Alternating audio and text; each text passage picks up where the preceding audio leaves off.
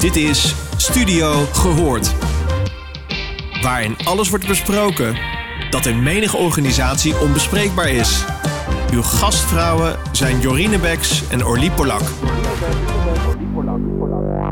Welkom luisteraars. Uh, het is weer tijd voor een uh, mooie podcast. Ik zit in de studio uh, met Jorine uiteraard. Hallo Orly. En met Astrid Elburg. Astrid is consultant, auteur, keynote-spreker en universitair docent aan Nijrode en de VU. Ze is betrokken bij de module Excelleren in vrouwelijk leiderschap. Ze is daarnaast voorzitter van Muiderslot, voorzitter van de Stichting in Gebaren. Astrid houdt zich bezig met organisatie, leiderschap en persoonlijke ontwikkeling en ziet mensen als arbeidskapitaal en gunt iedereen de meest optimale om uit zichzelf te halen. Volgens Astrid draait succes vooral om gunnen. Wie wordt wanneer gegund? Hierover heeft ze een boek geschreven, Vier keer gunnen. En vandaag gaan we het hebben over gunnen. En hoe verover je nou een plekje aan de top in het bedrijfsleven? En dan uh, rijst natuurlijk meteen de vraag: waarom deze passie? Heb je zoveel vinkjes? Ik heb helemaal geen vinkjes. En dat is precies mijn passie. Ik ben zo geboren. Waarom deze passie? Ik ben een geboren filosoof, laat het even zo zeggen. Dat wist ik nooit. En door mijn achtergrond en mijn schoolcarrière heeft het men, dat ook nooit achter mij gezocht. Want ik was bedoeld om of in de zorg of in de social work terecht te komen. Dat is het gebeurt er met kinderen zoals ik. Maar ik heb altijd mezelf de vraag gesteld: wie heeft er de macht over mij? Dus macht is altijd een drijvende kracht geweest achter hoe ga ik ervoor zorgen als ik hoog sociaal risico loop om te worden weggeduwd of ergens terecht te komen waar ik niet wil? Hoe ga ik die macht terugpakken? En wie bepaalt welk potentieel ik bezit en wat is talent eigenlijk? Dus dat is altijd bijna filosofisch een vraag die ik mezelf altijd gesteld heb. Wie heeft de macht over mij? Vandaar die passie. Je zei net iets over sociaal, wat zei je nou? Risico. Ja, wat bedoel je daarmee, sociaal risico? Met een hoog sociaal risico wordt bedoeld, dat is een sociologische term. Ik ben docent bij sociale wetenschappen, onder andere de VU. Wordt bedoeld mensen die het risico lopen, een hoog risico lopen om buitengesloten te worden. Op basis van allerlei uiterlijke kenmerken lopen sommige mensen meer risico dan anderen. En waar buitengesloten te worden? Of waarvan? Bij de groep, bij de dominante groep. Er, er bestaan dominante groepen in alle samenlevingen die bepalen wat de norm is en welke waarden daaraan hangen. En wat we zien is dat de mensen, dat het gaat over de, zeg maar de dominante cultuur, die bepaalt of je erbij hoort of niet. En er zijn allerlei waarden aan verbonden. Zo doen we het hier, het hoort hier zo, doe eens normaal. Want de normgroep is heel normatief. Ben je een populair meisje of een populaire jongen? Het allemaal de groepen bepaald. Nou, je hebt mensen die hebben of door karakters, of door huidskleur, of door gender het risico lopen om buitengesloten te worden. En dat observeren sociologen. Dat is ook zichtbaar. Mooi. En naast dat het om huidskleur gaat en om je gender, ik kan me ook voorstellen dat het ook heel erg groepsafhankelijk is. Is dat ook iets wat je terugziet in je werk?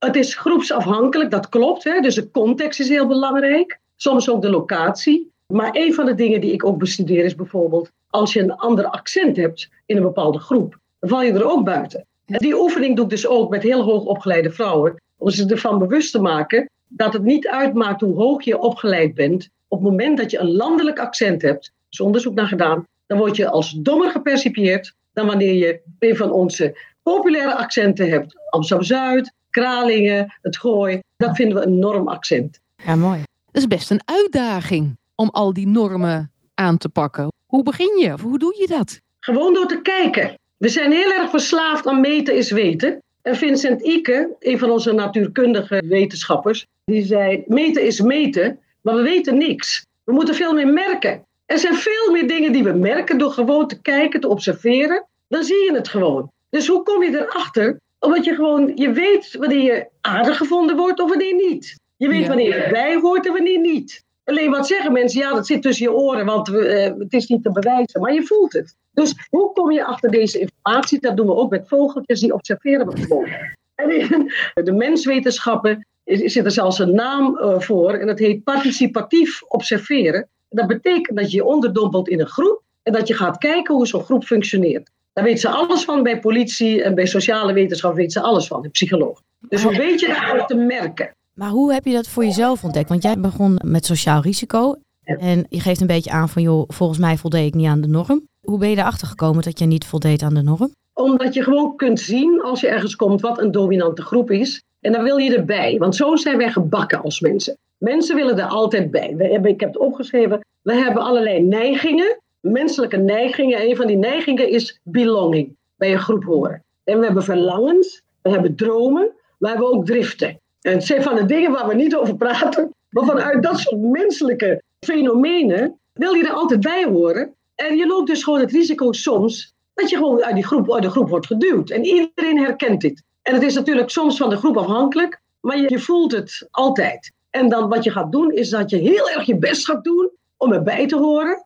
En het kan soms heel leuk zijn, dan ben je tijdelijk even blij, dan word je beloond. Maar je kan ook vaak teleurgesteld zijn. Pestgedrag is er eentje van. Mensen die altijd gepest worden, is een groot probleem ook op het werk, die weten dit. En wij kunnen het zien. En daar staan ontzettend veel mensen omheen. Die zien dit gebeuren en die kijken weg. Die zijn dus ook medeplichtig. Dus ik weet dit door te kijken naar hoe mensengroepen zich bewegen. En als je nou aangeeft hè, dat je het dan ziet, Ja. en natuurlijk de wegkijkers, Ja. Dan weet je het. Ja. En dan? Je bedoelt in mijn geval, wat doe je dan? Ja, in jouw geval, of hoe ga je dan verder? Of wat adviseer je daarin? Of coaching? Wat ik voor mezelf heb gedaan, is dat ik ervoor gekozen heb op jonge leeftijd om er niet bij te willen horen. En dat is een van de krachtigste copingmechanismen die je kunt voorstellen. Dus je komt overal, je bent met iedereen vriendjes en je past stapt gewoon op je fiets en je bent weer weg. Dus niet erbij willen horen heeft mij ontzettend gered, want ik ben nooit aan het, vechten, aan het invechten om er, er- erbij te komen. Het interessante wat ik ooit heb gezegd in een andere podcast is, en het interessante als je dan alle energie in jezelf stopt, dan ga je excelleren en dan komen ze je vanzelf halen. En dan ben je authentieke zelf. Is dat Ben je authentieke zelf en dan nemen ze je met alle consequenties. Er zijn ook mensen die me vragen voor iets en dan zeg ik, waarom wil je mij hebben? Maar dit zijn mijn voorwaarden. Dus het interessante is dat wij mensen opleiden om erbij te horen. En er zijn er allerlei trucjes en, en vaardigheden om erbij te horen. Maar het beste wat de mens kan overkomen is gewoon kiezen voor jezelf. Radicale. Kiezen voor jezelf. Accepteren dat je er niet bij hoort en gaan kijken waar jij het allerbeste in bent. En voor mij was ook de onderliggende gedachte, want ik moet ze verslaan. Ja, een drijf, hè? Vanuit van echt wat je zegt, een enorme power die daaronder zit. Absoluut. Ja, vanuit onrecht. Als je nu zegt dat je er niet bij willen horen, en als je dat afzet tegen we kiezen mensen, bijvoorbeeld ook raad van bestuur heel snel, die juist op ons lijken. Hoe kom je dan ja, daar binnen, om het, zo, om het zo te zeggen, als je zo anders bent? Ze zijn me ook komen halen. ik word altijd gevraagd voor die dingen, omdat Ja. ik zeg wat ik te zeggen heb. En dan denken mensen, verrek, dit klinkt anders. Ja, En weet je, het, ik, ik loop dus, als je erbij wil horen, loop je ook de kans dat mensen je afwijzen. En eh, ik loop dat risico niet, omdat ik gewoon mijn ding doe, mezelf maximaliseer en dan vragen ze me. En het interessante is, wat ik zie dat, eh, waar je het over hebt van raden van bestuur en dergelijke, wat wij in Nederland heel erg onder de vloerkleed vegen, is dat het ook een klassenkwestie is. Het is ook een klasse. Heel veel mensen die zitten bij elkaar in dezelfde studentenverenigingen, die ruiken mekaars nestgeur, die herkennen mekaars non-verbale communicatie, enzovoorts enzovoort. Die gaan met elkaar op vakantie of komen elkaar op wintersport tegen. Dus het is een klassenkwestie. Dus het gaat niet alleen maar om huidskleur, het gaat ook om sociale klasse.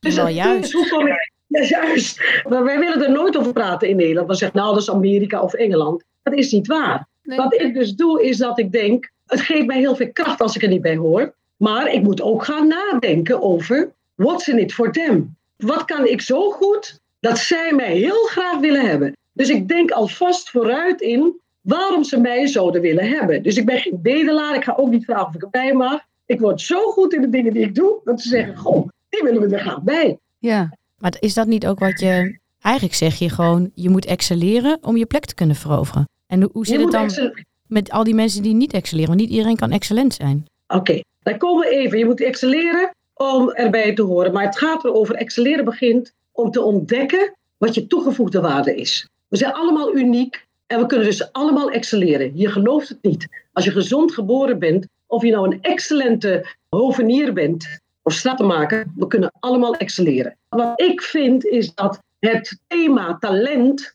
dat vind ik zo'n beperking van kijken naar mensen. Ik zou veel meer willen dat mensen kijken naar het potentieel van anderen. En we hebben te vaak leren wij aan mensen dat sommige mensen wel een talent zijn en anderen niet. En het interessante van dit fenomeen is, als je ziet wie er worden aangemerkt als talentvol, dan komen ze allemaal uit dezelfde sociale klasse. Dan hebben ze allemaal dezelfde huidskleur. Dan denk je, dat is dus hoe talent eruit ziet. Ja. Of ze komen van ver weg en dan zijn het enkelingen. En dan zeggen nou, maar die heeft het wel gered. En de ander is geen talent. Het is niet waar. En nu zit je daar, zeg maar, toch met je studentenvriendjes, oud-studenten uit oud-vakantie, weet je, eh, reisgenoten, et cetera. En hoe doorbreek je dat patroon? Want als iedereen, weet je, jij bent een ontiegelijk sterke vrouw. En ik vind dat echt mega knap en indrukwekkend. Maar dat wil niet zeggen dat iedereen dat heeft. Hoe creëer je ruimte voor iedereen, ook op dat niveau, om zo maar te zeggen, in de top? Waar ik mee begin, hè, je had het eerst over studenten en toen kwam je met in de top. Wat ik doe is dat ik kijk naar mensen. En ik probeer die unieke kwaliteiten met ze te bespreken. Soms weten mensen het niet eens. Ik werk soms met autisten, enzovoort, enzovoort. En ik zie de unieke kwaliteiten van mensen. Ik plaats ze dus niet naast, langs een meetlat. En die meetlat hebben we vanuit ons onderwijssysteem meegekregen. Dat is een talent en dat niet. Het onderwijssysteem, ik zit dus in onderwijsvernieuwing. In dat opzicht voldoet het onderwijs al lang niet meer. Dat is één. Dus ik ben bezig, als je het hebt over gunnen, met het ontdekken, het zien en ontdekken van unieke kwaliteiten. En ik probeer die te ontsluiten door in gesprek met mensen, omdat ik het zie. Ik kan ze vragen over stellen, of wat ik ook doe, is dat ik de groep vraag welke kwaliteiten ze zien bij anderen. En soms weten mensen het niet eens, maar andere mensen zien je unieke kwaliteiten. Dat is één. Als je kijkt naar de top van de organisaties, dan vind ik de meeste mensen die ik tegenkom, die zijn cognitief heel sterk. Dus ze kunnen lekker boekjes uit hun hoofd leren en kennis reproduceren en toepassen. Maar ik vind mensen heel erg eenvormig in de top. Dus onze top is heel erg armoedig. Veel van hetzelfde soort mensen.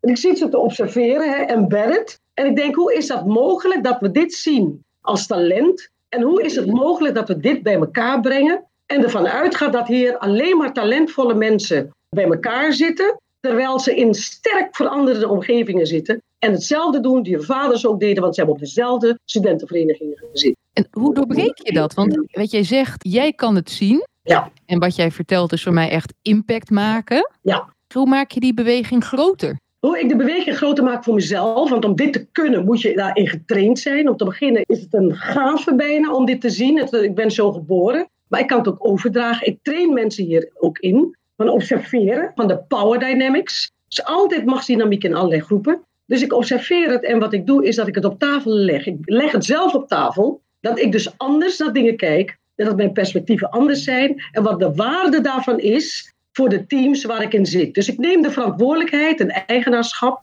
over het anders zijn. Dat doe ik zelf. Is iedereen dan gelukkig of heb je ook wel eens tegenstand of tegenwind? En als dat zo is, hoe ga je daarmee om? Mensen zijn er niet gelukkig mee, meestal omdat mijn type profiel, daarvan vindt men dat ik dankbaar moet zijn dat ik aan die tafel zit.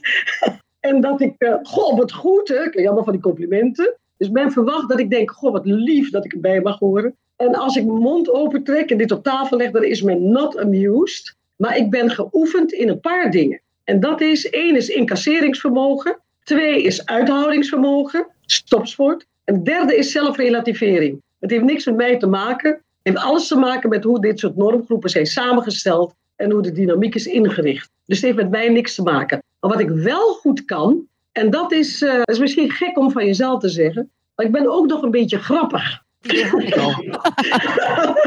humor is een vorm van intelligentie. Dus wanneer ik het zie, dan kan ik er ook, kan het ook met humor brengen. Dus ik kan er wat luchtigheid in gooien. Als je het seks zal benoemen zoals wij in Nederland gewend zijn, dan wordt dat van mij niet gepikt, want ik hoor tot een outgroup. Zo heet het in de sociologie. En de ingroup is een not amused dat je zomaar de vinger legt op de zere plek. En het wordt altijd ook terugverwezen naar jou. Of je bent agressief, zegt men. Of je bent woke. Of het is een slachtofferrol. Want daar heeft de normgroep heel veel terminologie voor ontwikkeld. Ik weet precies wat ze gaan zeggen. Dus ik ken hun strategieën om mij weer weg te duwen. Dus ik weet precies hoe ik het moet aanpakken. Maar dat is natuurlijk, het is, een soort, het is bijna een ambacht. Het is een copingmechanisme, maar het is ook een ambacht. En het lijkt ook wel een uitputtingsslag.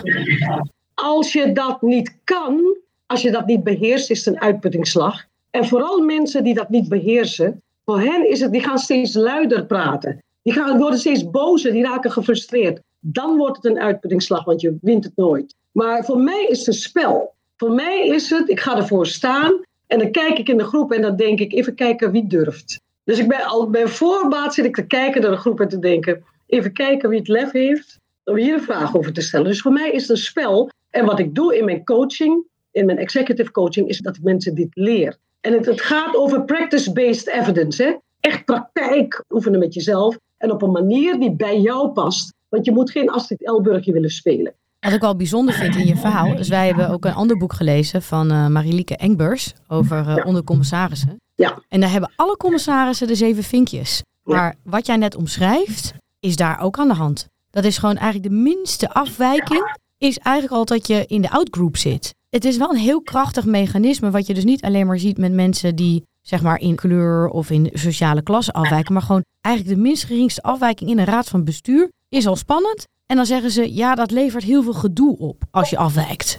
Absoluut. Het interessante is, en dan kom je bij managing diversity, een van de zwaar onderschatte aspecten van als je verschilt, is dat het kan polariseren. Het gaat schuren. En wat we zien is dat mensen vanuit een statusbelang of horen bij de juiste klasse vaak niet willen schuren en niet anders willen zijn. Dus je krijgt een enorme informigheid, maar ook een informigheid aan perspectieven. En het is dysfunctioneel van, van, voor belangrijke raden van uh, toezicht of van raden van commissarissen, dat weten we. Maar het grote probleem zit niet zozeer bij de normgroep. Het probleem zit bij de groep die erbij komt, die niet is toegerust om hiermee om te gaan. En die zich voortdurend laat inpakken, hetzelfde gedrag vertoont. Je neemt dezelfde nestscheur aan.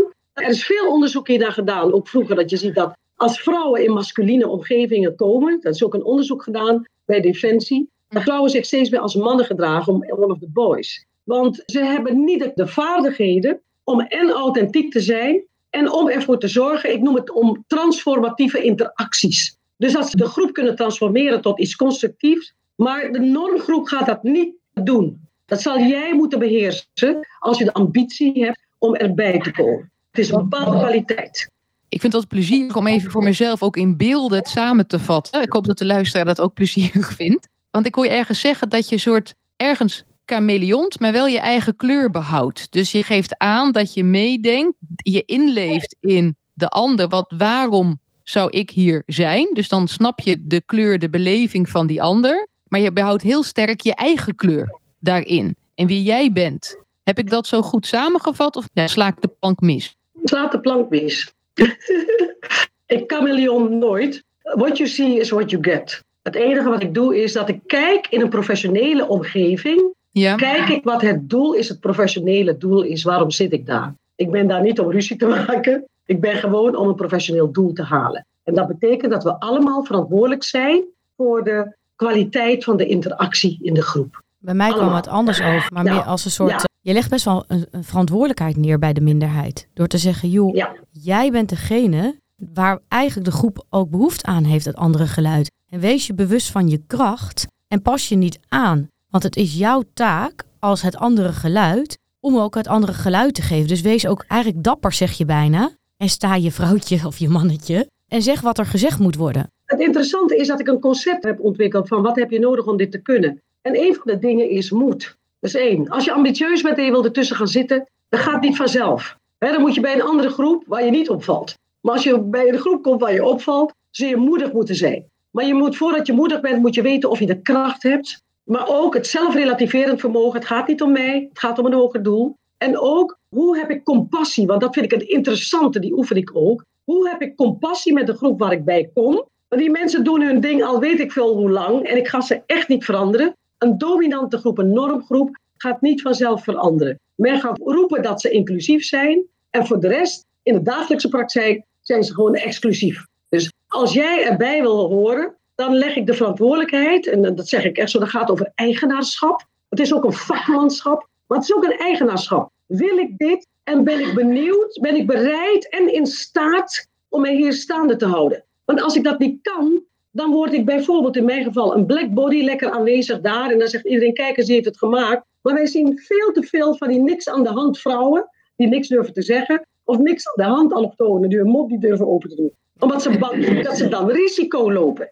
Dus ja, je hebt gelijk. Ik leg de verantwoordelijkheid bij de mensen zelf. Maar daar zit precies de regie. Je kan dus de regie pakken over je eigen kracht, over je eigen waarde. Omdat je verdomd goed weet wat je aan het doen bent. Maar dat is eigenlijk wat ik bedoelde met die chameleon. Eigenlijk. Ik heb het Ja. alleen dan is het beeld verkeerd. Want ik bedoelde inderdaad wat jij zegt. Omdat je wel, voor mijn gevoel ook, dat bedoel ik met die andere kleur, begrip hebt, begrijpt waar die ander zit, waar die vandaan komt. Alleen, jij behoudt heel sterk je eigen stem. Dus ik, ga, ik, Absoluut. ik leg het allicht wat verkeerd uit, maar zo bedoelde ik hem wel. Absoluut. Ja, mee eens. En het interessante is, de normgroep, dat is allemaal niet zo moeilijk.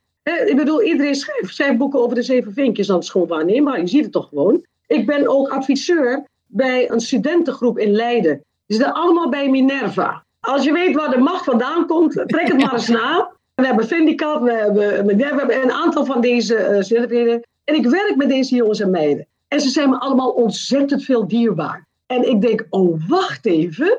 Zo ziet het er dus uit. Nou, als je dus de moed hebt om daartussen te gaan zitten, dan zul je iets moeten kunnen. Anders moet je dat niet doen. En er is geen gelijkheid. En life isn't fair. Maar als je de gore moed hebt om te zeggen, ik stap naar voren, ik wil daartussen, dan moet je later niet gaan jammeren dat je niks zeggen. Ik denk dat het een hele mooie slotbetoog is. Het geeft mij in ieder geval ook wel weer power. Want inderdaad, als je je mond opentrekt, als je tegengeluid geeft, blijf overeind. Oftewel een koene ridder, daar heb je niks aan als je van je paard afvalt. hey, een paardenanekdote. Leuk, Jorine. Had ik niet verwacht. Je moet dus je bewust zijn waar je aan begint. Je moet het beamen dat het zo is, toegeven dat het zo is, want anders ga je vechten. Je moet gaan nadenken over hoe je in beweging komt en hoe je bij je waardigheid blijft, je authentiek zelf. En je moet jezelf ook belonen wanneer het lukt, want dan pas wordt het een fantastisch spel. Dankjewel Astrid. En ook jij, eh, Orly. En ook jij, Jorine. Dag. Dag, dankjewel.